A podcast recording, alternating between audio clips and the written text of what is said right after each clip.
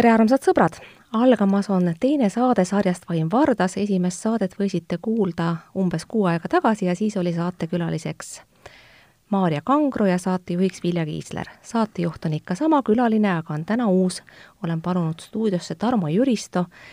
kelle nime taha võiks ju öelda, et tegemist on Praxise juhiga, kuid vaevalt oleks see tingimata kõige relevantsem määratlus praeguse saate kontekstis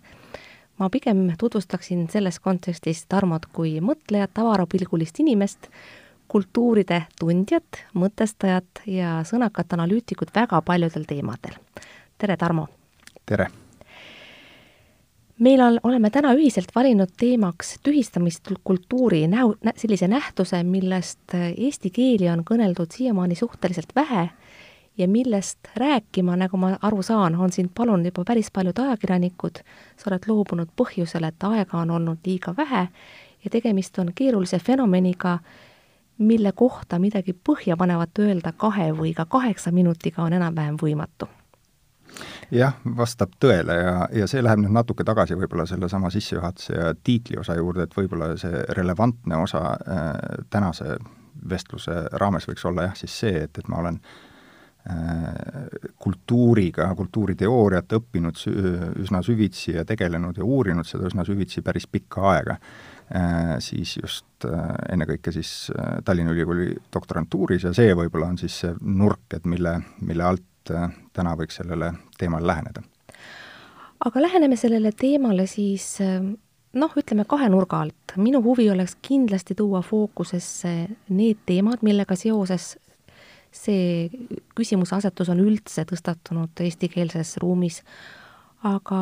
kui me nüüd kõnelesime sellest enne saadet, eh, valmistades ette võimalikke mõttekäike, siis juhtisid sina tähelepanu tõsiasjale, et tegemist on ajaloolise nähtusega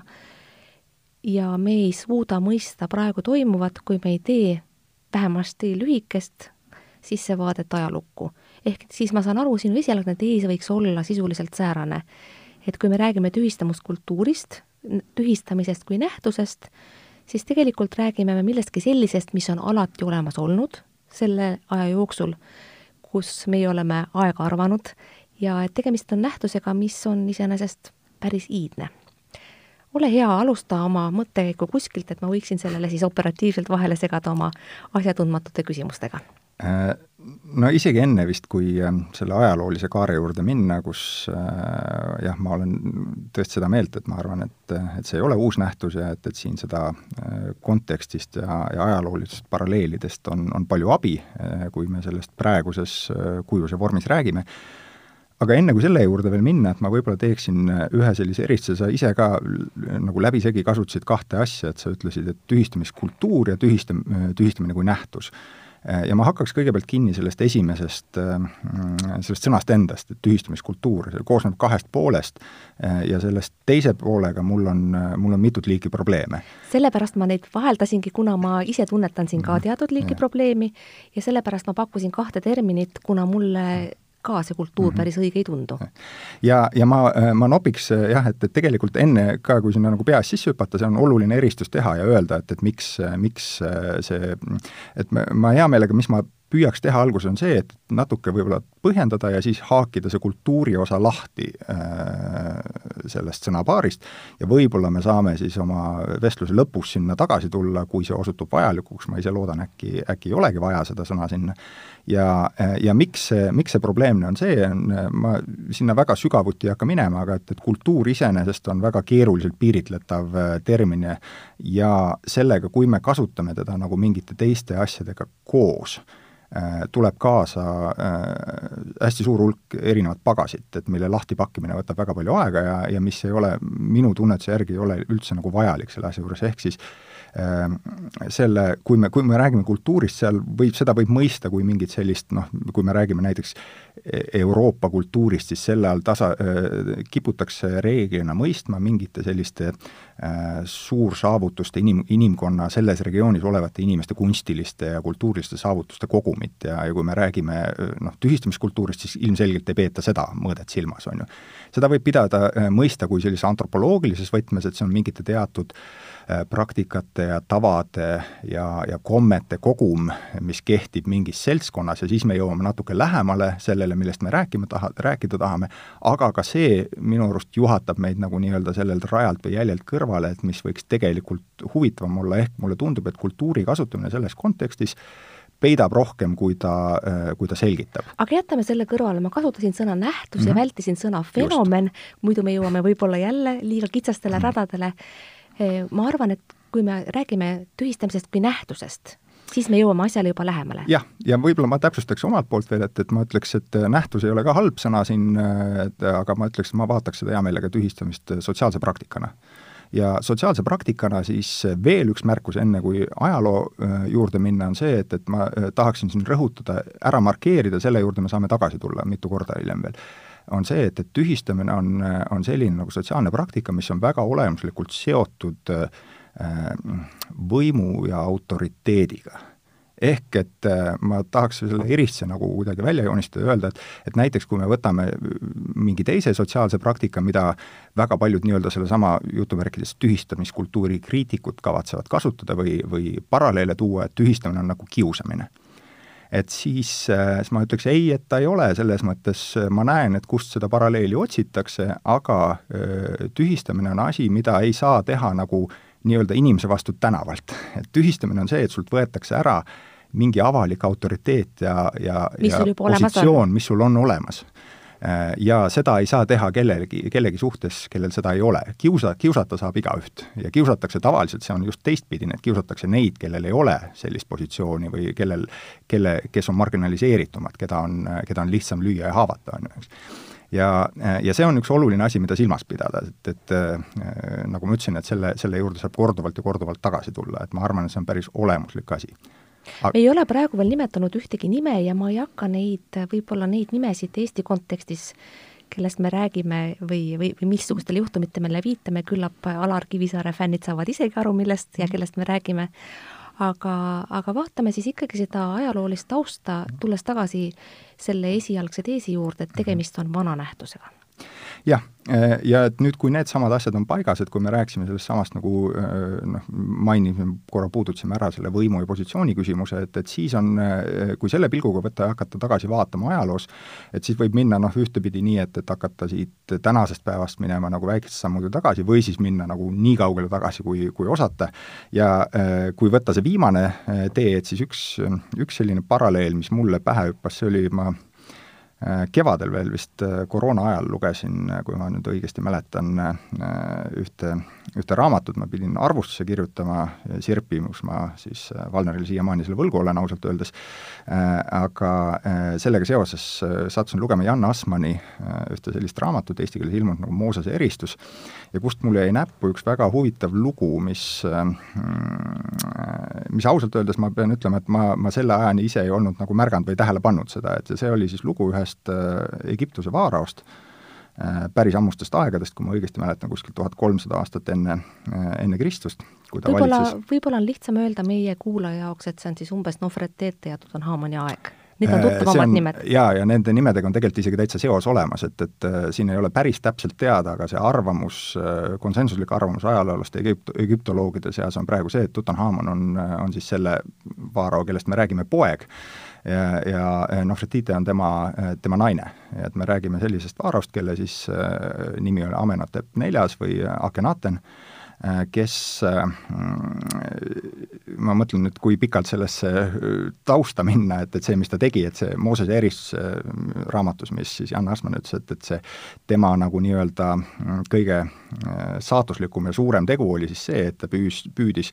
Egiptuse tollast polüteistlikku religiooni viia üle monoteistlikule. Äh, ja see on see nagu monoteismi teke nii-öelda siin lääne kultuuris, äh, Jan Asman tõmbab selle piiri sinna, aga selle tagajärg, miks me sellest praegu siin selles kontekstis räägime, on siis see, et et see ei läinud talle eriti hästi äh, või ütleme, retrospektiivis ei läinud hästi, et, et sellel oli vastupanu ja, ja tõrkeid ka sellel ajal, kui ta seda püüdis sisse viia, aga selle tagajärjeks oli see, et, et Vaaro Akanatani Akenateni olemasolust ajaloolased said teadlikuks alles üheksateistkümnenda sajandi teisel poolel et ta kaotati kõikidest nagu valitsejate nimekirjadest, ta kustutati ajaloost. tema ausambad, kõik mälestused, raidkirjad, mis iganes temale viitasid, need, need kustutati, need kaotati ja ta tühistati nagu selles mõttes väga-väga põhjalikult järeltulevate põlvede jaoks, et, et mälestus temast oligi mõeldud kaduma. tagantjärele vist on see ka mõnevõrra juhuslik, et üleüldse me saame temast ja tema juhtumist täna rääkida Äh, noh, jah, ma ei oska niimoodi isegi öelda, et, et kas, mis asjaoludel lõpuks noh, ma ise kahtlustan, et, et ju see moel või teisel oleks see, see lünk silma torganud, on ju, eks, et keegi seal pidi olema. ja, ja noh, nagu ma ütlesin, seesama see, need Tutankhamon ja, ja siis noh, Retite äh, nii-öelda seosed või viidad on, on alles ja olemas, aga jah, see, et, et temast, tema olemasolust saadi alles nii palju hiljem nagu tegelikult teadlikuks, on, on üks huvitav lugu. aga see on rohkem võib-olla selline nagu anekdootlik näide, et, et mis, mis näitab sellele, et jah, et, et seda tüüpi asju on tehtud varem, aga neid näiteid võib palju-palju võtta, et noh, näiteks ütleme, ma ei tea, Rooma keisrite ajal oli, äh, see ei ole nüüd, see on natuke kaugem või paralleel, aga oli ka ikkagi see, et, et et iga uus keiser tuli välja ja esimese asjana, mis ta tegi, lasi välja oma näopildiga mündid ja võttis käibelt ära eelmised, on ju, eks, et, et see oli nagu sellise noh, uue vääringu loomise asi, mis ei tähendanud tihti tingimata nagu seda, et eelmine keiser oleks noh, tühistatud või kaotatud, aga kui näiteks keisritest rääkida, siis selline äh, paralleel tühistamisega me jõuame kalendriteni. jah, jõuame kalendriteni täpselt, et, et see on, see on näide sellest, et mis ma usun, enamus inimesi, kes ajalootunnis on kunagi siis äh, Prantsuse revolutsiooni aegu õppinud, siis mäletavad, et seal oli üks selline episood, et, et kus äh, Prantsuse revolutsionäärid muutsid ümber kuude nimetused ja, ja selle põhjus oli tegelikult väga huvitav, et ja selle põhjus oli siis kinni kahes kuus, et, et mis olid juuli ja august, Äh, ja mis siis nagu nime järgi võib, äh, võib aimata, äh, olid nimetatud keisrite järgi, et, et Julius Caesari ja siis tema järglase, mitte küll lihase poja, on ju Augustiinuse järgi. ja see on omakorda siis seal, seal on see huvitav taust, et kui keegi on mõelnud selle peale, et miks nii juulis kui augustis on kolmkümmend üks päeva, et, et siis, siis see tuleb ka sama, samamoodi sellest ajast, eks, et, et kui Augustus võttis enda, endale siis nii-öelda järgmise suvekuu, et ta ei tahtnud olla Juliusest suurem, Äh, ta oli Juliusest järgmine suvekuu, kus on hästi palju päikest ja kõike muud, aga ta nõudis, et, et tema kuu peaks olema sama pikk kui, äh, kui, kui juuli, et, et see ei saa olla lühem, nii et seepärast on seal mõlemas kolmkümmend üks päeva, aga noh, see seos nüüd sellega oli siis see, et et äh, Prantsuse revolutsionäärid püüdsid kustutada kogu seda kuningate ja äh, Äh, ja keisrite põhist äh, maailmakorraldust ja seetõttu tundus neile äh, noh, väga kohatu või, või, või lubamatu see, et, et meil on nii-öelda glorifitseeritud keisrite nimed kuude nimedes ja need kuude nimed siis nii-öelda demokratiseeriti, et võeti sealt Julius ja Augustus välja. Tarmo, me peame jõudma natukene lähemale tänasele päevale, sest need näited on iseenesest väga kõnekad ja panevad mõtlema inimese, kellel on avaram kultuuriline taust, aga ikkagi ma aru, usun, et meie kuulajad oleksid sulle tänulikud, kui sa astuksid nüüd päris pikka sammu tänasele ajale lähemale ja noh, jõuaksid näiteks Adornoni. Jah, see oli see, millest me enne rääkisime äh, põgusalt omavahel ka, et, et nüüd äh, see Theodor Adorno lugu äh, võib-olla jällegi selleks ajalooliseks kontekstiks, miks see huvitav ja oluline on see, et, et et kui praegu tundub, et Äh, Eestis ja mitte ainult Eestis, laiemalt maailmas inimesed, äh, see üldine tunne kipub olema, et me elame kuidagi väga-väga turbulentsetel aegadel ja hästi palju on segadust ja nii edasi, et siis siis lihtsalt äh, ma tahaks jah, selle perspektiivi mõttes öelda, et et võib-olla vanemad elus olevad inimesed meil ikkagi ka mäletavad sellist, sellist äh, mälestusväärset aastat nagu tuhat üheksasada kuuskümmend kaheksa, et see on üks sellistest paljude selliste murranguliste aegade äh, rivis üks, üks aastaarv, et neid võib tagasi minnes võtta, noh, tuhat kaheksasada seitsekümmend üks oli üks selline, üks Pariisi kommu-, kommuuni aasta, tuhat kaheksasada nelikümmend kaheksa, mis oli revolutsioonide aasta üle terve Euroopa, rahva, rahvuste revolutsioonid, tuhat üheksasada kuuskümmend kaheksa oli siis samamoodi see, et, et kus noh, puhkesid suured rahutused äh, mõlemal pool raudset eesriiet, et olid äh, sametrevolutsioonid, on ju, eks, Prahas ja, ja Ungaris olid suured tudengirahutused, rahutused Pariisis, vähem teada on see, et, et kuidas olid sarnased rahutused äh, Ameerikas ja Mehhikos, äh, Saksamaa tudengirahutused samal ajal väga suured, äh, mis paisusid noh, Prantsusmaal nad paisusid nagu üle riigi ja ametiühingu rahutusteks, Saksamaal nad olid ennekõike rohkem üliõpilastega seotud. ja nüüd see, see lugu või taust seal on siis jah, sellisest Saksa kahekümne sajandi ühest säravamast avalikust intellektuaalist, kelle nimi oli Theodor Wiesegrund Adorno, Äh, kelle äh, kuulsus on siis ennekõike seotud äh, sellise seltskonnaga, kes sai tagantjärgi nimeks Frankfurdi koolkond ja mis siis koonduski ümber Adorno ja tema sõbra Horkheimeri tuhande üheksasaja kolmekümnendate aastate alguses, kahekümnendate lõpus tegelikult juba. ja siis Adorno pidi Horkheimeriga koos siis sõja eest Ameerikasse, Californiasse pakku minema ja viiekümnendatel ta tuli siis äh, Saksamaale tagasi peale sõja lõppu ja sai hästi kähku siis selliseks väga-väga kuulsaks avalikuks intellektuaaliks Saksamaal ja kusjuures tal oli selline äh, üliõpilaste seas just nimelt ka sellise poliitilise radikaali kuulsus, et ta, teda, tasse suhtuti väga suure äh, aupaklikkusega just nimelt sellises nagu noorte radikaalsemate üliõpilaste seltskondades. Ja nüüd kui kuuekümnendatel erinevatel asjaoludel hakkasid äh, poliitilised olud äh, nii Saksamaal kui ka mujal keeruliseks minema, Vietnami sõja teemad olid samamoodi Saksamaal üleval, et, et siis Adornost sai nagu mingis mõttes selle tudengiprotestide liikumiste vaimne isa. Et ta oli äh, tema nii-öelda välja töötatud poliitilisel platvormile, mida tuntakse siis ka noh, tänaseni kriitilise teooria üldise laiema rubriigi all, et, et millega siis tema ja Horkheimer hästi palju seotud olid, et see moodustas nii-öelda sellise noh, teoreetilise vundamendi kogu sellele poliitilisele vastupanule ja uue tee otsimisele äh, radikaalsemate tudengite seas. aga äh, mis seal juhtus, oli siis äh, see, et, et noh, seda pikka lugu nagu kokku võtta, et tudengite ja Adorno vaated sellele, et mida siis täpselt peaks tegema sellises poliitilises olukorras, hakkasid lahku minema, et, et Adorno arusaam oli see, et see on ennekõike teoreetiline probleem. et tema ei saa öelda, kuidas asjad peaksid olema, vaid tema asi on nagu kritiseerida seda, kuidas nad on ja äh, tegemist oli elukogenud ja samas väga avarapilgulise inimesega, pole ka üldse ime, et äh, tal selline arusaamine oli. jah, ma, ma, ma tuleks selle asja juurde veel nagu hiljem teise nurga alt tagasi, seal, see on huvitav näide hästi mitmes mõttes. aga korraks, et see lugu nagu lahti rullida ja öelda, et mis siis nagu juhtus või kuidas, miks see lugu huvitav on, on see jah, et siis, et et sedamööda, kuidas äh, see poliitiline madin intensiivistus tänavatele liikus, et, et siis Adorno muutus aina ärritunumaks ja, ja kõhklevamaks selle osas, et, et noored teevad revolutsiooni valesti. et nad ei ole päriselt nagu läbi mõelnud ja ei saa asju aru, on ju, eks, ja, ja samal ajal noorte arusaam oli see, et, et et teooriaga ei muuda maailma, et praktika on see, mis muudab, siis teooria ja praktika sümbioos, mis oli tegelikult lähtekohana Frankfurdi, Frankfurdi koolkonda algne seisukoht et, et miks, miks noor Adorno ja noor Horkheimer üldse hakkasid selle projektiga pihta nad tahtsid tuua rohkem praktikat sellesse üldiselt teoori-, teo-, teooria poolt domineeritud äh, ühiskonnateadustesse. Ja, äh, ja siis ühesõnaga jah, mis siis lõpuks, lõpuks sai ja juhtus, oli see, et ma hüppan siin paljudest asjadest üle, et, et mis olid relevantsed tegelikult selle juures, aga Adorno käis ja pidas siis oma mm, erinevaid loenguid, ta sellel ajal tegeles hästi palju oma esteetilise teooriaga ja see asi äh, nagu hakkas rebenema õmblustest siis, kui ta äh, siis Berliini Vabaülikoolis läks kutse peale pidama loengut siis Asylosõifi Geneiast ja selle peale siis mingid tudengid rullisid taga loengusaalis loosungi lahti äh, iroonilises võtmes sellest, kuidas klassitsist Teddy, kes on siis Theodori see lühi, lühivorm äh,, tuli rääkima, kuidas see oligi siis vasakfašistidele esteetikast. ja, ja sellest noh, ühesõnaga eesmärk oli see, et, et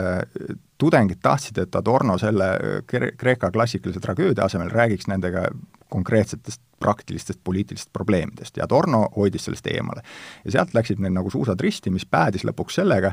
et, et kui mm, tema enda koduülikoolis tudengid hõivasid campus'e, siis äh, ülikooli linnaku, siis Adorno kutsus neile politsei. ja see olukord on nüüd irooniline hästi mitmes äh, mõttes ja noh, ütleme lühidalt, et tudengitele see lahendus hästi peale ei läinud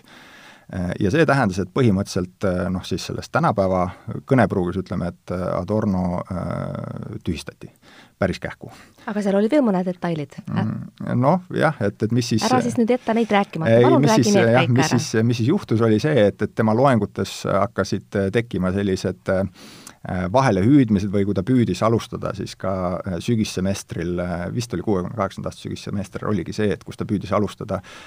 dialektilise mõtte seminari ja siis seal öelda, et igaüks võib suvalisel hetkel siis nagu oma küsimusi vahele esitada, et, et siis see oli see kuulus episood, kus üks tudeng kõigepealt kirjutas tahvli peale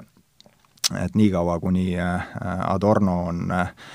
on ülikoolis õpetaja, äh, ei ole kapitalismil mingit ohtu, mis muidugi Adorno tausta teades oli päris, päris raske asi tal seedida, ja, ja siis see päädis sellega jah, et, et, et ruumi tormas seltskond naisüliõpilasi, kes võtsid oma ülakehad paljaks ja tantsisid ümber Adorno ja puistasid ta kiilale pealaele õielehti ja see oli siis jah, see, et mille peale Adorno siis äh,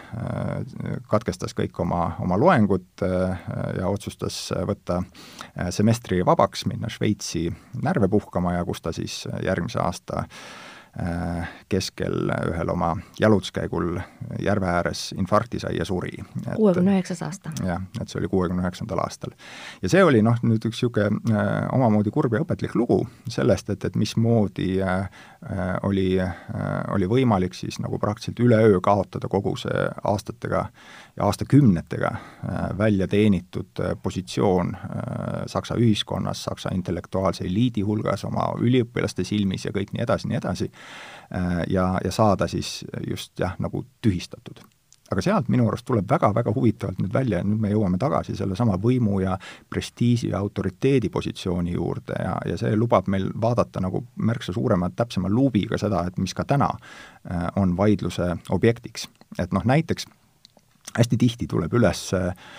muuhulgas ka siis sellesama äh, raadio DJ kaasusega seoses, kelle nime sa alguses ütlesid, et ei maini, aga siis, siis mainisid, et, et kui äh, erinevates kaasustes tul-, nurkade alt on tulnud üles küsimus, et kas tegu on sõnavabadusega, et kas tegu on sellega, et kas inimesel on lubatud rääkida seda, et mis ta, mis ta rääkida tahab ja ilma, ilma et äh, teda selle eest kuidagi risti löödaks, et et siis Adorno puhul ka, see ei olnud küsimus sellest, et tudengid oleks öelnud, et tal ei ole õigust äh, rääkida, mis ta, mis ta räägib, et tal ei ole õigust rääkida Kreeka tragöödiast sellel ajal, kui äh,, kui üliõpilasi huvitasid poliitilised küsimused. vaid küsimus oli rohkem selles, et, et kas tal on õigus rääkida neid asju, mida ta räägib, seletada seda oma üliõpilastele professori toolist, seda, kuidas maailm on, ja neile politsei kutsuda, kui nad ei nõustu see oli see, mis seal oli kaalul. tegelikult oled sa Kivisaarele juba teinud tohutu suurt au sellega, et äh, saade, mis on ajendatud tema nimest ja temaga seotud juhtumitest, saab sisse juhatatud sedavõrd prominentsel viisil ja tekib ju teatav paralleel Adornoga, kas pole nii? aga ma ei, kuidagi ei pelgaks seda paralleeli, sest selles mõttes ka, et, et noh, et, et kui me võtame siin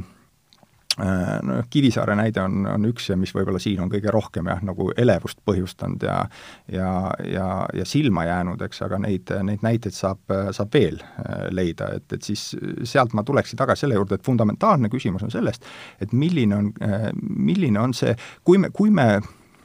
kui me vaatame, et tühistamist sotsiaalse praktikana, nagu ma enne välja pakkusin, siis me saame hakata rääkima mitte mingist üldisest nagu kultuurist või tavadest või kommetest, vaid me saame hakata rääkima väga konkreetselt sellest, et kelle, kelle suhtes see on suunatud, mis on põhjused, miks seda äh, ette võetakse, kes on need osalised, kes selles osalevad ja mis on need vahendid, mida selleks kasutatakse. ja need on asjad, et, et mida ma arvan, et, et noh, seesama Adorno lugu toob väga hästi äh, äh, välja ja, ja seda paremini välja, et ta on, ta on nagu teistsuguste asjaoludega samas see kontekst on sama. eks, et, et noh, tulles sellesama Kivisaare kaasuse juurde, et siis seal ei ole ka küsimus selles, et tal ei oleks õigus äh, heita vägistamisnalja kuskil, et see on, see on, see on halb maitse, aga, aga see ei olnud selle vaidluse koht ja objekt ja et see, ja, ja mida ma Torno puhul ka just nagu selle loo najal tahaks võib-olla välja joonistada, öelda, et et tühistamine sotsiaalse praktikana ei ole eeskätt suunatud ühe konkreetse inimese vastu. ta väljendub selle ühe konkreetse inimese kaasusega, aga see on küsimus sellest, et, et mida me ühiskonnana peame aktsepteeritavaks avaliku ruumi öö, käitumiseks ja et mis on see asi, mille puhul me nagu öö, tolereerime ja talume ja ütleme, et jah, et see on selline asi, mis, mis ei ole enam nagu see ei puuduta privaatsfääri, see, mida keegi privaatsfääris öelda saab, see puudutab avalikku sfääri, milline on meie avaliku sfääri hügieen, millised on need reeglid ja konventsioonid, mida me äh, tahame näha ja tolereerime avalikus sfääris? See on tegelikult erakordselt oluline küsimuse püstitus, mille sa praegu sõnastasid, kuid mulle tundub, et seni on see debatt avalikus ruumis käinud hoopis teist rada pidi. Kui me vaatame Robert Sarve tegevust Alari Kivisaare kaitsjana, tema tegevust laiemalt, siis küsimuse asetus on hoopis kuskil mujal. kas on õigus kellelgi öelda seda või teist kellegi teise või kolmanda kohta ja kas see öeldu peaks kuidagi konverteeruma rahasummaks, mis tuleb välja nõuda kohtu kaudu. ehk siis see sinu sõnastatud küsimuse asetus on pelgalt teoreetiline, päriselt käib asjaajamine ühiskonnas hoopis teisi radu pidi. millest see räägib? Nojah, aga siis äh, see ongi see üks äh, suur põhjus ka, et, et miks ma seda aega nii palju tahtsin võtta, selleks et see eristus nagu ära teha ja näidata, et need on erinevad asjad, olles ka lugenud äh, siis sedasama Robert Sarve koostatud, ma eeldan, tema koostatud nõudekirja, et, et mis siin erinevatele inimestele välja läks, et, et siis seal ka see oli asi, mis minu, mind, mind kohe nagu, minu silma riivas selles asjas, oli see, et, et seal on koos terve hulk erinevaid asju ja mis on tõmmatud kokku justkui nimelt sellesama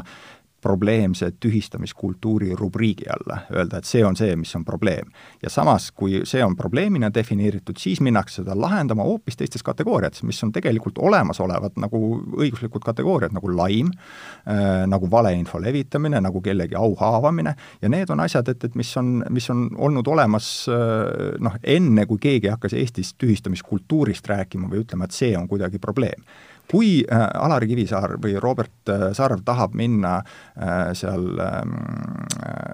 kellegi vastu, on see siis keegi, kes pani petitsiooni kokku või keegi, kes kuskil Facebookis seda jagas, nendelt alustelt, et öelda, et, et see on laim, et see on, see ei ole õigustatud või nii edasi, selle, selle jaoks, seal ei ole mul nagu midagi kommenteerida, see on õiguslik vaidlus. nüüd, kui läheb jutt selle peale, et, et see on mingist, osa mingist suurest vandenõust, mis kõikjal tõstab pead ja et kus on äh, tegu äh, mingi ühiskondliku äh, fundamentaalse uue kahetsusväärse kultuuriilminguga, et siis ma ütlen ei, ta ei ole seda. ja kui ta, kui teda ka tühistamist vaadata eraldi sotsiaalse praktikana, siis tuleb seda vaadata lahus nendest asjadest, millest me siin just rääkisime kuidas aga peaksid need inimesed, kelle nime ümber säärased vaidlused puhkevad, suutma eemalduda äh, isiklikust haavumisest, oma emotsioonidest ja mõista iseennast kui teatavat ebaisikulist noh, persooni, kes on asetunud ühiskondlike sündmuste keerisesse teatavas märgilises mõttes. sest kui me pöörame tagasi korraks selle Adorno näite juurde, siis tema jaoks see kirjeldatud tühistamisjuhtum võiks ju öelda, läks maksma elu mm. -hmm ta, ta oleks võinud elada veel, kirjutada päris hea, hea mitu raamatut, pidada veel päris huvitavaid loenguid, see, mis temaga juhtus, halvendas tema tervist ja tõi talle surma lähemale. ka seesama Alari Kivisaar on viidanud, et tema perekonnale ja talle isiklikult on toimunu olnud erakordselt raske. noh, paljud võib-olla irvitavad selle üle ja pisendavad kuidagi tema kannatusi, aga mitte keegi ei saa ju ühelgi juhul öelda, et sul ei ole valus või äh, sa peaksid seda võtma kuidagi mitte isiklikult. paljud seda võib-olla suudavad, aga me ei saa nõuda inimestelt või saame ei, ei saa. Ja ma ei arvagi, et see, see, sellel ongi need kaks erinevat tahku, ma ei ütle, et see teine isiklik tahk oleks kuidagi ebaoluline või, või seda peaks diskonteerima või mitte tähelepanuta jätma, ei. Äh, ma tahtsin kõigepealt võtta lahti selle, öelda, et see tegelikult ei ole oma nagu olemuses ja, ja ajaloolises taustas isiklik rünnak, et äh, aga loomulikult äh, isiklikult sinna nagu vahele jääda sellesse olukorda, sest noh, veel korraks nagu kasutada sellist suuremat pintslit ja öelda, et, et, et mis minu isiklik vaade või tunne siin on ja võib-olla siin erinevatel inimestel on erinevad nägemused selle osas, aga et, et see tühist, tühistamine sellise sotsiaalse praktikana, needsamad need ajaloolised näited, mis ma tõin ja neid on veel terve hulk, mis ma toomata jätsin, mida oleks võinud ka erinevatest sellistest murdelistest aastatest, millest ma üle libisesin ja võib-olla mainisin kiirelt äh,, oleks võinud tuua on see, et, et tühistamine sellisena äh, äh, laiemalt mõistetuna leiab aset äh, sellises ajas ja hetkes äh,, kus meil on käimas suur ühiskondlike hinnangute ja väärtuste nihe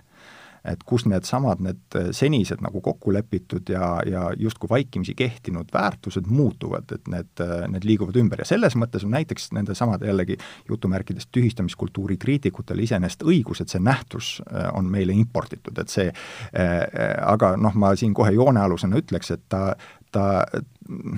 ta ei ole imporditud mitte nagu võõrkaubana selle tühistamisena, vaid see, see, see väärtuste nihe ei ole asi, mis oleks Eesti jaoks kuidagi endogeenne, et see on siin tekkinud. et ühtäkki äh, Eestis on tekkinud mingi äh, ühiskonna alustalade ümber äh, sõnastamine, see on laiem asi, kus me oleme osa suuremast maailmast, kus see aset leiab. me mõtestame ümber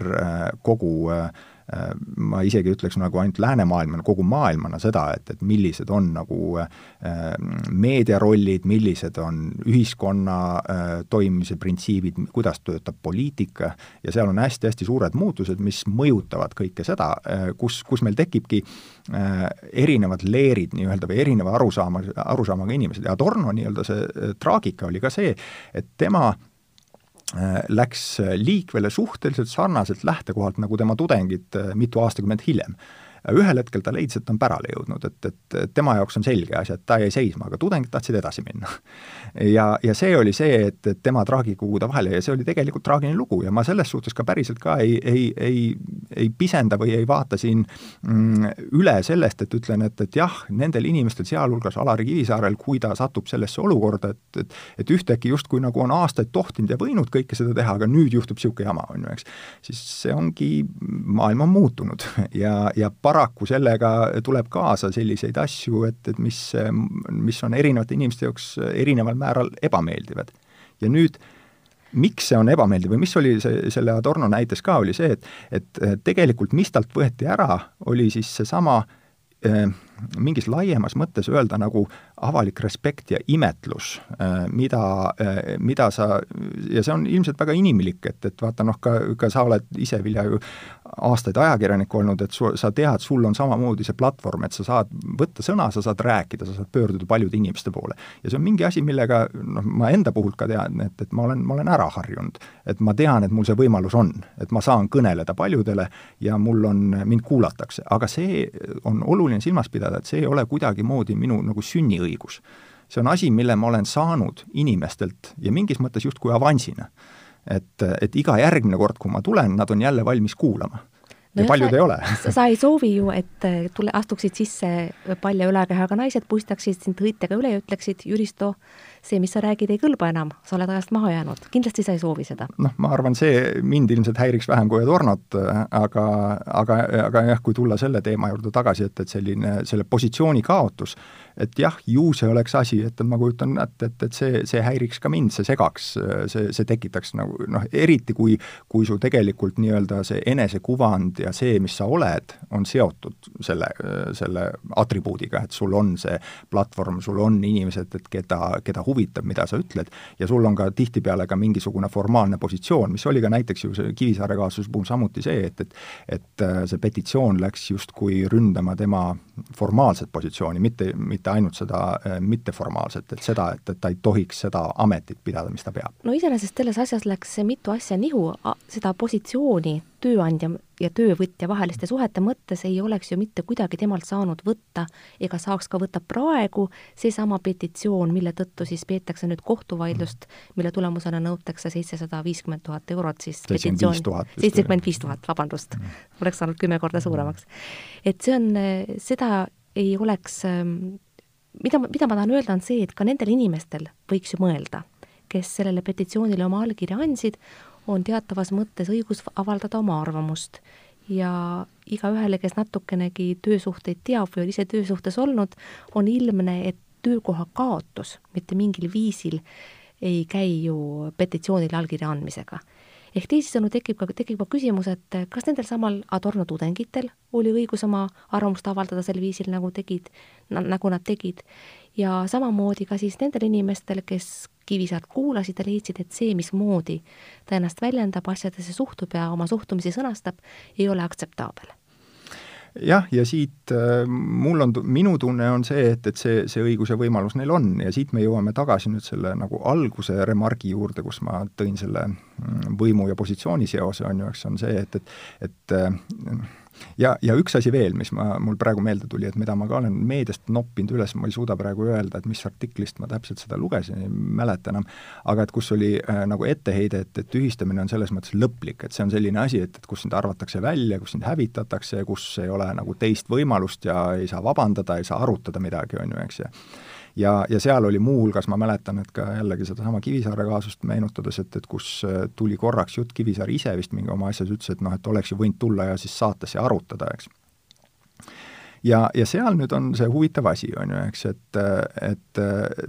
Kivisaare ettepanek arutada tuli alles peale seda, kui oli see petitsioon väljas ja asjad olid suureks ja tõsiseks läinud enne seda, nii palju kui ma mäletan mõnedest ka lugudest, et mis selle kohta ilmus, et, et see ei olnud esimene kord, kus, kus tema äh, vaba sõnakasutuse osas äh,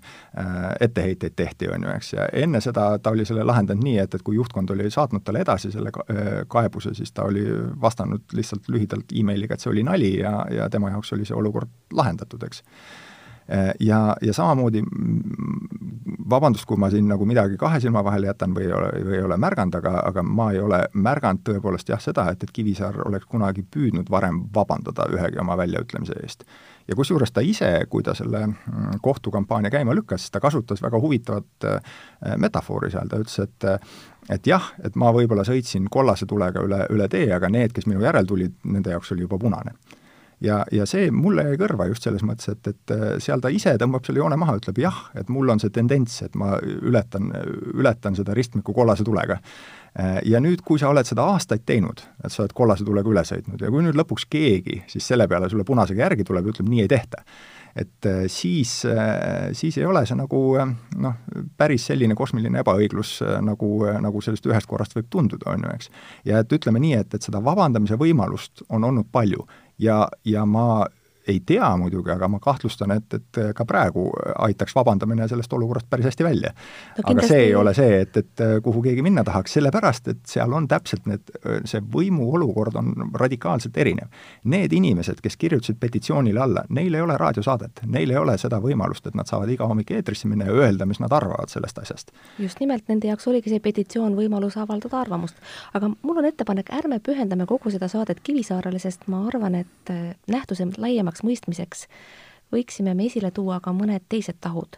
ja kui sa viitasid äh, tõsiasjale, et see, mismoodi me äh, sellest tühistamisest kui nähtusest räägime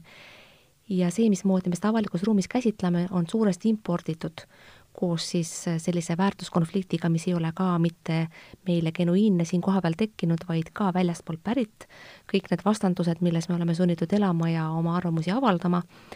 siis võib-olla üks viis tuua seda teemat meile lähemale on seesama monumentide mahavõtmine, nende ümbermõtestamine ja ja, ja siis ka ju teisaldamine, mida me tunneme Eesti lähiajaloost pronkssõduri teise kohta viimise näol ja praegu toimuva debati eh, käigus Maarjamäe memoriaali tuleviku üle. ma usun, et eh, need kaks näidet võiksid eh, aidata meil ka kuidagi mõista, mismoodi mm, ajalugu ennast iga kord, igas ajahetkes uuesti defineerib inimeste eh, emotsioonide kaudu, mis seostuvad nendesamade nimetatud objektidega. See on jah, üks hästi eh, omaette huvitav teema, mis on tõepoolest eh, ka minu arust seotud siis ähm, mitmel huvitaval moel äh, tühistamise praktikatega. Ja et mingis mõttes jah, sa saad öelda, et, et see on küsimus nagu mälupoliitikast, mäle, mäletamisest, et mismoodi me, me mingeid asju mäletame, mis asju me tahame unustada, mis asju me tahame mäletada, kuidas me tahame mäletada. Pronkssõdur oli võib-olla siin jah, selline veel hästi traumaatiline kogemus, mis sai väga palju sellist, äh, mis tekitas ka, ka suurt lainetust ja, ja järeltõukeid äh, ühiskonnas, mis, äh, mis kestsid tükk aega ja kestavad siiamaani mingites asjades. aga meil oli ju isegi veidi varem veel nagu suurem ja fundamentaalsem äh, kujude teisaldamise laine oli üheksakümnendate alguses kõikjal olevate Lenini kujude mahavõtmisega, et, et mis, mis toimus noh, täiesti nagu lainena ja massiliselt üle aga tol hetkel riigi. me ei arutlenud selle üle kuigivõrd, tol hetkel toimus see teatava enesestmõistetavuse raamides ja ma ei mäleta, et see oleks üldse olnud mingit diskussiooni missioonide teema. aeg läks edasi ja siis muide pronkssõduri kohta, mäletad sa, mhm. öeldi väga palju kordi, et me ju jäime sellega hiljaks mm. -hmm. oleksime pidanud ära tegema siis, kui me tõstsime teise kohta kõik Leninit. ja see on nüüd täpselt see, millest me enne rääkisime, et, et maailm on muutunud, väärtused olid muutunud, need olid nihkunud ja me olime uues kohas ja, ja sa ei saa enam eeldada, et sa võid lihtsalt minna ja ja keset päeva tõsta kuju äh, veoauto peale ja sõita sellega minema. keset tööd? no Lenini kujusid teisaldati keset päeva, et see oli see, millele ma viitasin, pronkssõdur ei saanud isegi isegi päeval teiseldada, sa pidid öösel teiseldama, sa pidid selle platsi lilli täis istutama, et inimesed ei läheks sinna kõndima. ja rääkima oli... haudadest, mis on seal all ja, ja et seal ei tohi viina juua. hauarahu ja mida kõike muud sinna juurde, on ju. et see oli fundamentaalselt teistsugune äh, olukord, mis oli tegelikult ainult mõned aastad äh, vahet, on ju, eks see, see oli elava mälu raames toimunud äh, väärtuste hinnang muutus. ja näiteks seesama, see kujude eemaldamine, Lenini kujude eemaldamist, kui ma räägin, sellega käis kaasas kui massiivne tänavanimede muutmine, on ju, eks, et mis oli ikkagi selline mõne aastaga toimunud fundamentaalne maastiku muutus, mis, mis aset leidis. ja kui praegu tahab keegi kuskile tekitada mõnda uut tänava, tänavat või mõnda tänavat ümber nimetada täiesti süütult, ilma mm -hmm. ajalooliste konnotatsioonideta, tekib kohe suur tüli. jah, nüüd äh, Madruse tänava näide on ju, eks aga näiteks seesama see ähm, äh, memoriaali asi, et kui sa selle praegu üles tõid, et see on jällegi hästi, hästi huvitav kaasus, millest ma olen isegi tegelikult varem veidikene kirjutanud mööda minnes, et see on mind huvitanud mõnda aega. ja, ja seal jooksevad veel mitu erinevat äh, asja omavahel risti. et siin on praegu, nagu ma saan aru, on äh, nii-öelda laual kolm niisugust suurt varianti, et üks on see, et, et kas ta taastada, teine on see, et, et kas ta lammutada, või kolmas on see, et lasta tal laguneda ja, ja kõik need variandid on huvitavad. Ja, ja paralleel, mis minu peas sellega tekkis, ma nüüd juhtumisi jälle just siin äh, suve lõpus, ütleme augusti alguses sattusin korraks kiirelt käima Berliinis.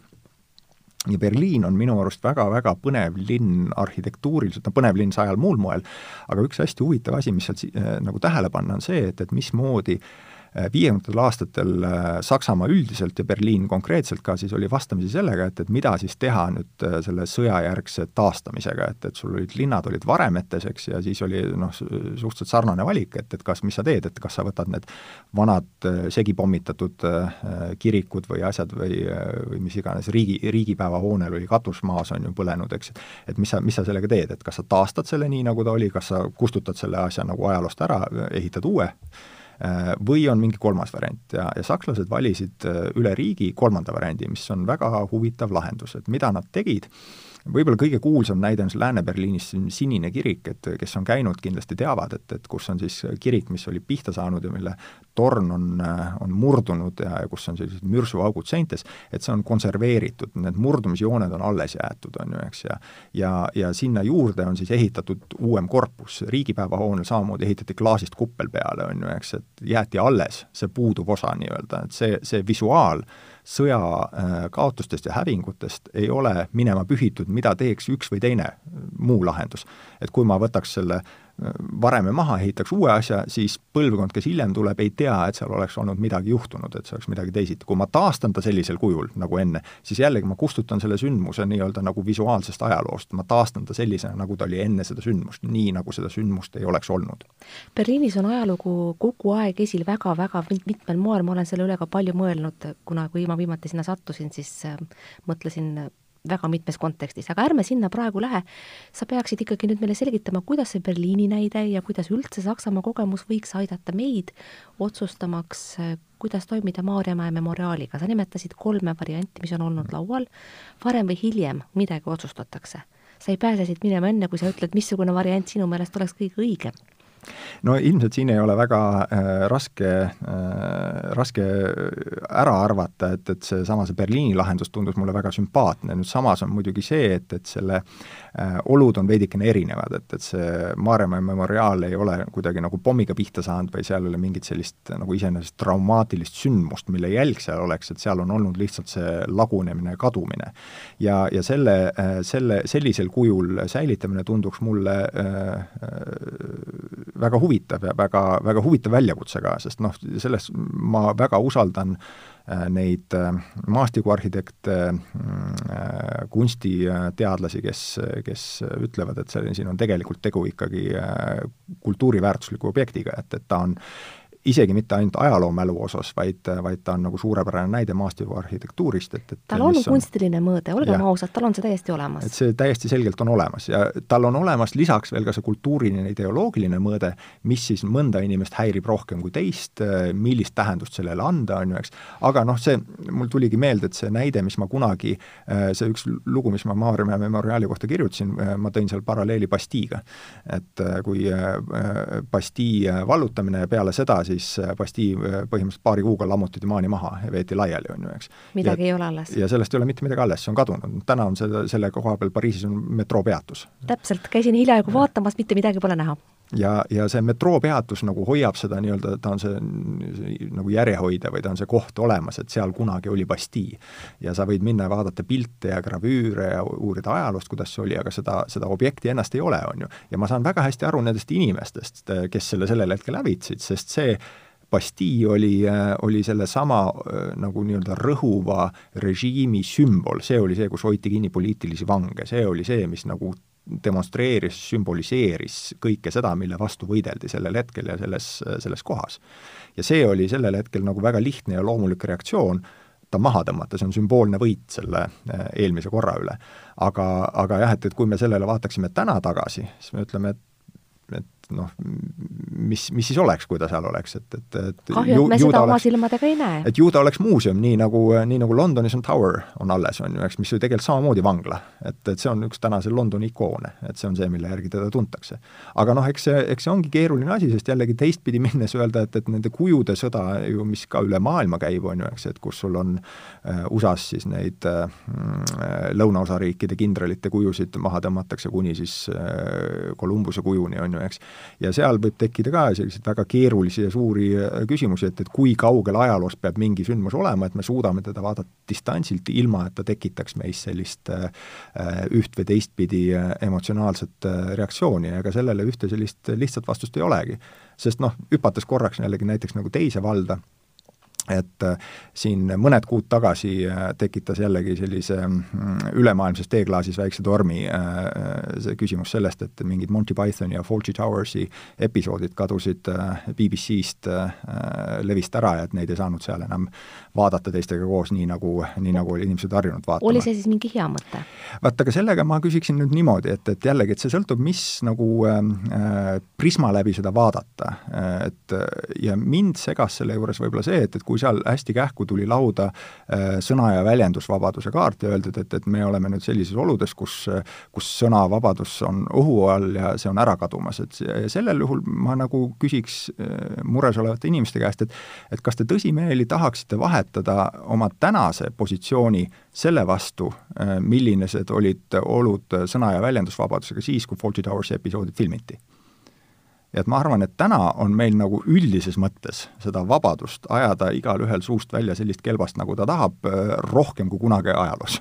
et aga kunstiteoste juurde, kui me jõuame niimoodi kaudses mõttes ja, ja miks siis mitte ka konkreetses mõttes, et kas me kunstiteoste puhul peaksime tegema teatud parandusi? ka see teema on ju tõstatunud no mõtled... kas või, kas või näiteks selle, toome kõige selle kõige tuntuma näite, et kas Pipi isa ikka tohib neegrikuningas olla või ta ei tohi mitte? see on, ma ei, ma ei, ma ei suuda vist piisavalt oma leigust selles küsimuses piisavalt, piisavalt hästi väljendada, et, et, et kui vähe see mulle isiklikult äh, korda läheb, et aga mulle tundub see põhimõtteline, kui me hakkame kunstiteosed ümber tegema, siis noh, see on põhimõtteline asi. ma ei ütle, et see on lihtne, aga, aga see on põhimõtteline miks ma kõhklen, on see, et, et see avaks meile nüüd praegu jällegi täitsa teise suure-suure valdkonna, kus peaks, peaks äh, minema jällegi ajas tagasi ja võtma, tegema olulisi põhimõttelisi nagu nii-öelda märgistama selle, selle, selle ala ära, mille sees me seda, seda diskussiooni peame ja pidada tahame. Et nüüd äh, ma arvan, et ühelt poolt jah, et see, sellel, sellele, et sul on nagu ajalooliselt mingid asjad mingil moel kirja pandud, et seda nagu ei ole vaja minna ümber kirjutama, see ei ole, see ei ole nagu küsimus, küsimus on jällegi tulles sellesama varasema nagu väärtuste nihke juurde tagasi, et erinevad põlvkonnad, erinevad inimesed, erinevad ajad loevad neid samu tekste erineva pilguga. ja eh, sina ja mina oleme mingist põlvkonnast, kus, eh, kus me lugesime neid eh, lapsena teises kontekstis, nii et see ei tekitanud ka ühegi täiskasvanu, mitte kellegi jaoks nagu mingit noh, peakallutust või vaadet või probleemi. aga ajad muutuvad, väärtushinnangud muutuvad, need raamid, kuhu mingid tööd asenduvad, sest noh, kui me räägime, kuhu ma selle, kus mul see kõhklus tekkis, kui me räägime kunstiteostest, siis need ei ole nagu saared ookeanis, need ei ole asjad, et mis on, mis ei ole omavahel kuidagi mingis kontekstis või, või mida saaks vaadata autonoomselt väljaspool seda,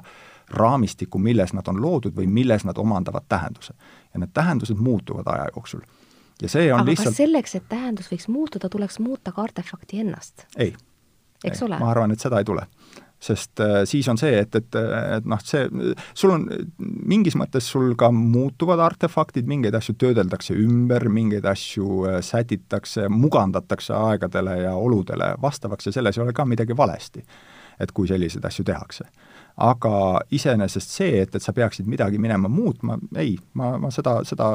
seda vajadust küll ei näe, et lihtsalt, aga see ei tähenda, et kellelgi oleks võimalus, kellelgi oleks nagu